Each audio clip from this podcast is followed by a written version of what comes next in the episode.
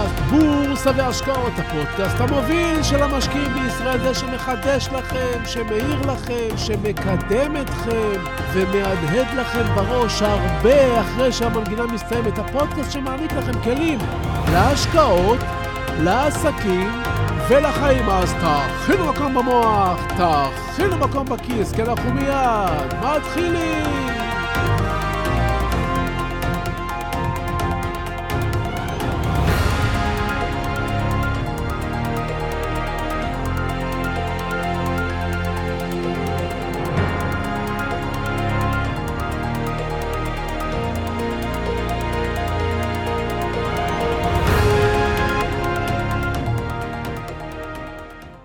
בימים אלה העולם במרוץ אחרי הצ'יפים, אותם משטחי סיליקון זעירים עליהם מוטמן מידע גדול.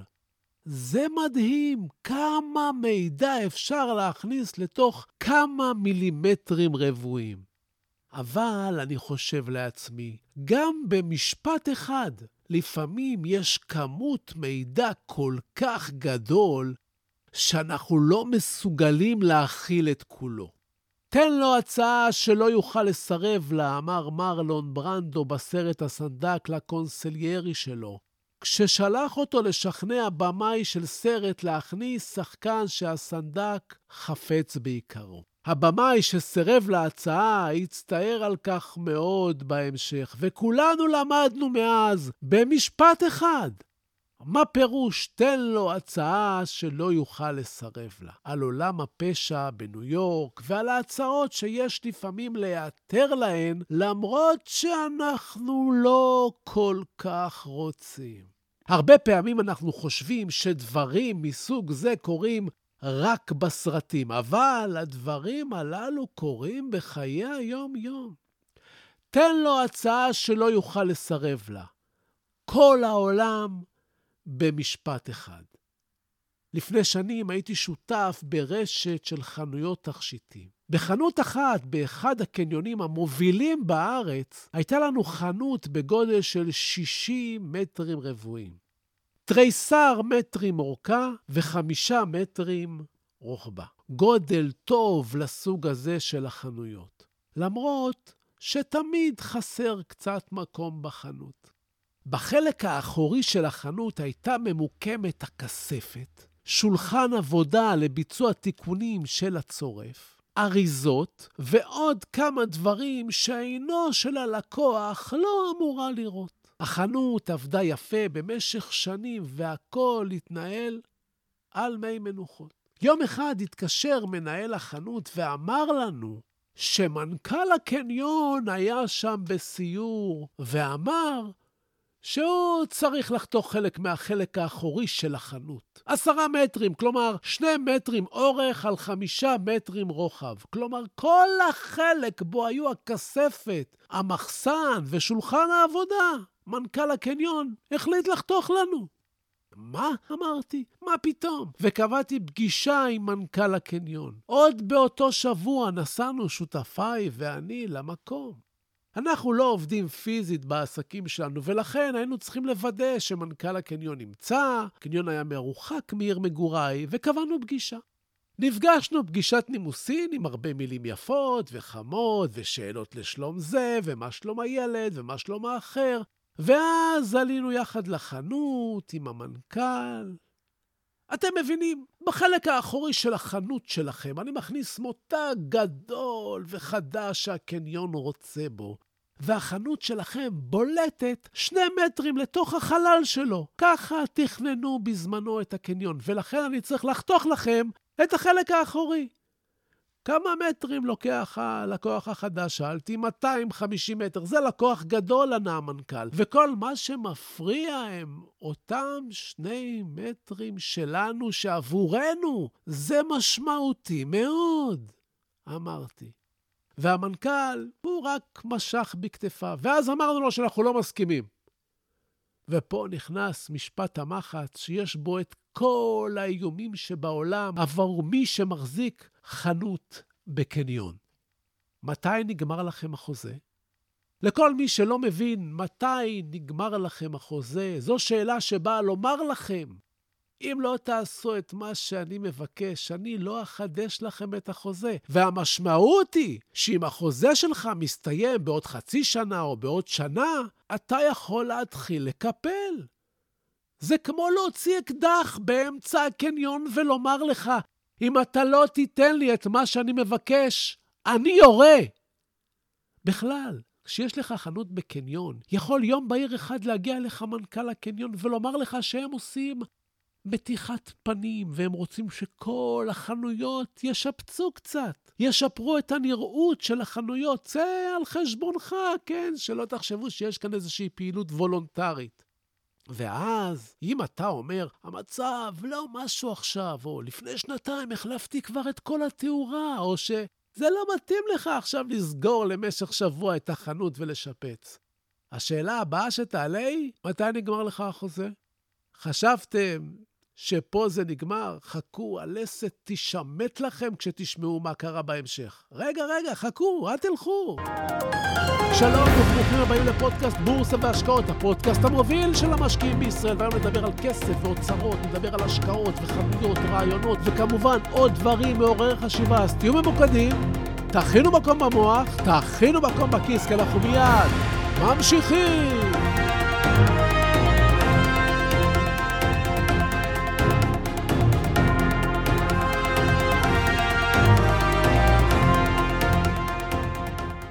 אז אתם חשבתם שמרלון ברנדו חי בסרט הסנדק עם המשפט שלו, תן לו הצעה שלא יוכל לסרב לה?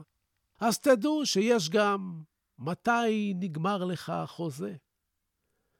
ומאחר ואני נמצא כאן לא רק כדי לשעשע אתכם, אלא כדי לתת לכם תובנות ודרכי פעולה נכונים, גם בעסקים וגם בשוק ההון, אני אמשיך לספר לכם את הסיפור של החנות ההיא, כדי שתלמדו מה יכול להתפתח. בסופו של דבר האיום עבד, ואנחנו חתכנו את החנות. עכשיו, הכספת הייתה קטנה יותר, והייתה חלק מהחנות. אמנם בתוך ארון, אבל די בפעם אחת שפותחים את הכספת כדי שכולם ידעו היכן היא נמצאת. ואז בערב אחד, כמה חודשים אחרי, בשעה עשר וחצי, כשהעובדים סגרו את החנות, בעוד הסופר פארם עדיין פתוח, ויש תנועה של עובדים ושומרים שמסתובבים, והאנשים שהולכים הביתה עדיין בפרוזדורים, הייתה עדיין תנועה ערה. עלו מהחניון שלושה שודדים מצוידים בשק ובמספרי ברזל, חתכו את הבריח של דלת הזכוכית, ותוך שלוש דקות אספו סחורה במעל מיליון שקל של זהב, ונעלמו כלעומת שבאו.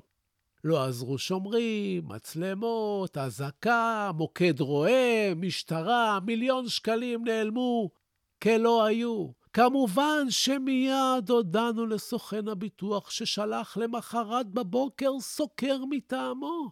אבל גם אנחנו שלחנו סוקר פרטי שיבדוק. בדיוק. מה קרה? ולוודא שהדוח של סוקר הביטוח לא מוטה. כאן אני עוצר רגע ונותן לכם תובנה. כשיש לכם נזק גדול, אל תישענו על הסוקר של הביטוח רק. תביאו גם סוקר מטעמכם, כי הביטוח במקרה של נזקים גדולים לא תמיד איתכם, והסוכן הנחמד שלכם לא קובע כלום. ולמרות שנראה לכם שברגע האמת הוא יטפל לכם בכל, את המשכורת שלו, את ההכנסה שלו, הוא מקבל מחברת הביטוח. תמיד תזכרו את זה. בקיצור, מהון להון, הסוקרים התרשמו ורשמו, ואנחנו התעשתנו, הזרמנו כסף לסחורה חדשה, והמתנו לסוכן הביטוח, שהגיע לספר לנו אחרי כחודש, שחברת הביטוח קיבלה את דוח הסוקר, וראתה שהנזק מעל מיליון שקל, אבל הם מוכנים לשלם רק 150 אלף שקלים בגלל, וכאן אני לא אלאה אתכם במעשיות, אבל זה הסיפור. חברת הביטוח הייתה מוכנה לתת לנו המחאה של 150 אלף שקל. וסוכן הביטוח הוסיף ואמר שזו הצעה טובה, ועלינו רק לחתום שאין לנו טענות נוספות, ומיד יזרימו לנו את הכסף. אז בשלב הזה כבר חיפשתי מי עורך הדין הכי טוב בתחום, וניגשתי לפגישה. בה למדתי משהו נפלא. עורך הדין שבעצמו ייצג כמה מחברות הביטוח, סיפר לי שבנזקים גדולים הביטוח לא ממהר לשלם. מה בוער? אם תתבע אותו, אז במקרה הכי גרוע, בית המשפט יגזור שעליו לשלם את מלוא הפיצוי. אבל עד אז, וזה לוקח כמה שנים, יש לביטוח סיכוי טוב להגיע עם הלקוח להסדר. בייחוד אם אין לו מספיק כסף ואורך נשימה להסדר בו ישלם חצי מהסכום. אתם מבינים מה קורה כאן? כאן תמונה עבורכם תובנה נוספת. כשיש לכם נזק גדול, הישועה בדרך כלל לא תגיע מהסוכן שלכם, וגם לא מחברת הביטוח שלכם. קודם כל, אתם צריכים שמאי שלכם במקום, בזמן אמת, ועורך דין טוב מהתחום. בסופו של יום, אחרי כשנתיים, חברת הביטוח שילמה קרוב למיליון שקל עבור הנזק. ואני חושב לעצמי, מה עושה בעל חנות פרטית בלי רזרבות? פשוט מתמוטט כלכלית. אה, ועוד משהו, בגלל שפרצו לעסק שלכם פעם אחת, הפרמיה תתייקר וחברת הביטוח תיתן לכם הצעת מחיר כזו בשנה הבאה, שלא תרצו בכלל לבטח. מאלף, לא? והנה ככה קיבלתם המון ידע וניסיון חיים ושלא תצטרכו. אבל אם אתם יזמים או משקיעים, תמיד קורים דברים בדרך, וכאן אני מלמד אתכם דברים אמיתיים כדי שתופתעו פחות ותוכלו להתמודד טוב יותר.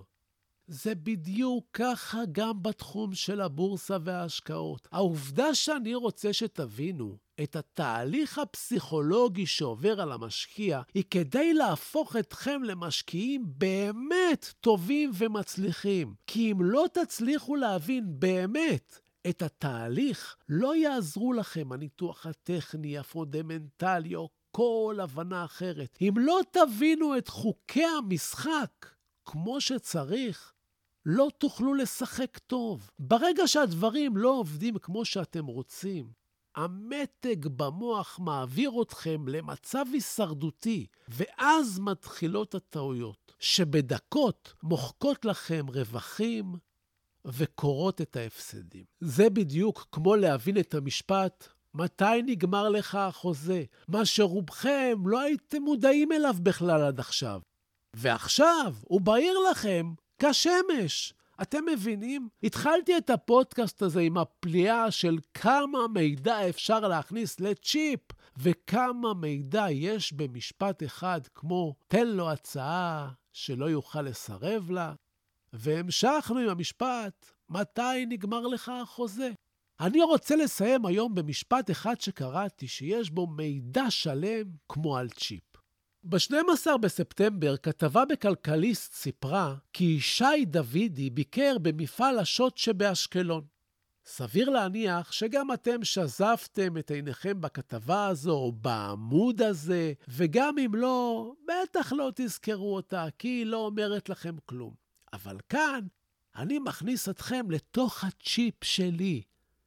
ישי דוידי, אני חושב לעצמי, הוא הבעלים של פימי. פימי היא קבוצה שבראשה עומד ישי דוידי, שלוקחת חברות ומשביחה אותן בצורה מדהימה. אם ישי דוידי היה באשות אשקלון, חברה שנסחרת בבורסה, הוא כנראה, לתפיסתי, לא הלך לשם בשביל לחפש ג'וב. אז התחלתי לחפור ולחפש ולמצוא, ומצאתי שאלביט שמה את אשות אשקלון על המדף. כלומר, רוצה למכור אותה. וכאן האנטנות עלו לי עוד יותר גבוה, והתחלתי לרכוש את המניה. ולבסוף, בהודעה ב-21 באוקטובר, פורסם בכלכליסט כי אלביט מוכרת את השוט לפימי לפי 88 מיליון דולר. עכשיו, אני שולח אתכם לקרוא על ישי דוידי ועל היכולת המרשימה שלו להשביע חברות ולראות דברים רבים שאחרים לא רואים. בקיצור, הוא אחד שאני מאוד מחזיק ממנו.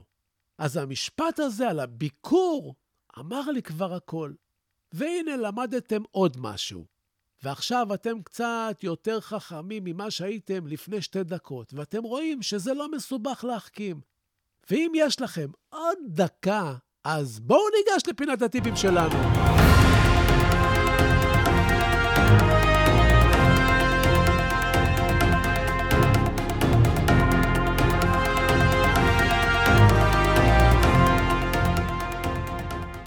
שימו עין על האג"ח לעשר שנים בארצות הברית. זה הסמן שלכם כרגע. ברגע שהוא מתחיל לעלות לכיוון 2%, סימן שהשוק עשוי להביא מהפך. כרגע האג"ח לעשר שנים עומד על אזור ה-1.5. ועוד משהו, תפתחו אחר הצהריים את ערוץ פוקס ניוז, תקבלו קצת את האווירה של השווקים בחו"ל, זה חשוב. יש שם הרבה דברים מעניינים שיעשו לכם סדר בהבנה של השוק האמריקאי. אוקיי, אז, אז זהו לנו להיום. ואני רק אזכיר שמי שרוצה להשתתף איתי וללמוד איתי יותר ולהעמיק בפסיכולוגיה של המשקיעים, אז יש קורס מעניין מאוד, שזוכה לשבחים והוא נמצא באתר סודות, תקבלו גם 12 ספרים הביתה, ועוד 20 תמציתי ספרים בעברית לקרוא ברשת, ותתעשרו בהמון ידע. לכל מי ששאל מה ההבדל בין הפודקאסט לבין הקורס, אז אם הפודקאסט הוא אקווריום של דגי זהב שאתם נהנים להתבונן בו, אז הקורס זה הצלילה בריפים של אילת בעומק של 20 מטר. אתם הבנתם? זהו זה. ואני שב ומציין, כן, במה שאני אומר, המלצה מקצועית או ייעוץ מקצועית, אלה תמיד כדאי לקבל מיועץ מוסמך עם רישיון. לי אין. אני רק משתף אתכם במה שאני חושב. המניות שאני לפעמים מדבר עליהן, כאן אתם צריכים לדעת. אני לפעמים קונה מהם, אני לפעמים מוכר מהם, ואני אף פעם לא מנסה לכוון אתכם לבצע פעולה כלשהי, אלא רק לגרום לכם לחשוב, לחשוב, לחשוב. וכן, הפודקאסט הזה מדבר בלשון זכר, אבל זה רק מטעמי נוחות. הוא פונה לנשים וגברים כאחד, ותודה. תודה להילה ברגמן שעורכת, מאירה ומפיקה וגורמת לפודקאסט הזה להיות. תודה לכם על התגובות החמות, תודה על השיתופים. תמשיכו ותפיצו, ואנחנו גדלים ביחד. איזה אושר. עד הפגישה הבאה שלנו אתם מוזמנים לשמור איתי על קשר, לבקר באתר האינטרנט שלי, יש שם המון טיפים בחינם, www.sodot.co.il, לשלוח לי מייל דרך האתר, לעקוב אחריי באינסטגרם, סודות, כף תחתון בורסה, באנגלית, חגיגה מה שקורה שם. תגיבו, תשאלו, תעלו נושאים ואני אחזור לכל אחד ואחת מכם. אני מבקש, סמנו שאהבתם ותשלחו את הפודקאסט לכמה חברים. כן, אני רוצה עוד מאזינים, תעשו השתדלות, תפיצו. תודה רבה שהאזנתם לי, הלוואי שתתעשרו בקרוב ואנחנו ניפגש. בקרוב.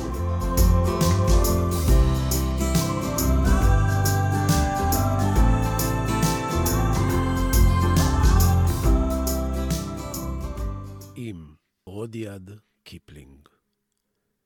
אם תוכל לשמור על שקט וקור רוח, עת מסביב לך שוררת מבוכה.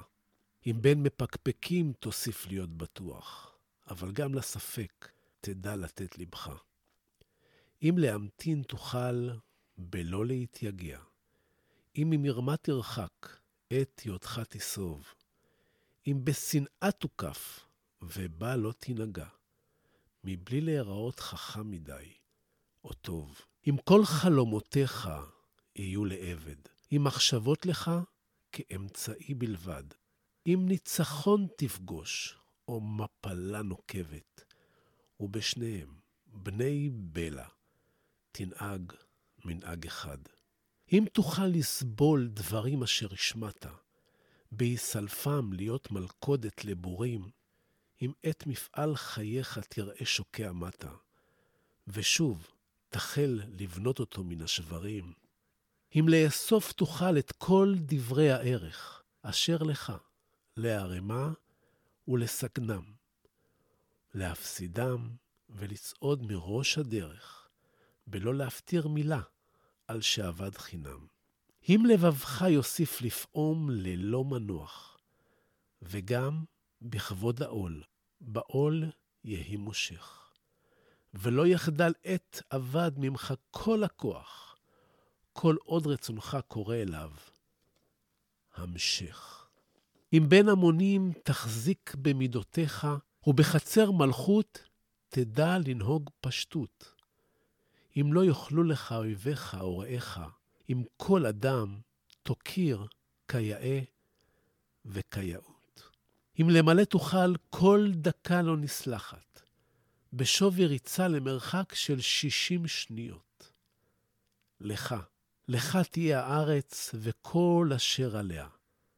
ועוד יותר מזה, בני, תהיה אדם.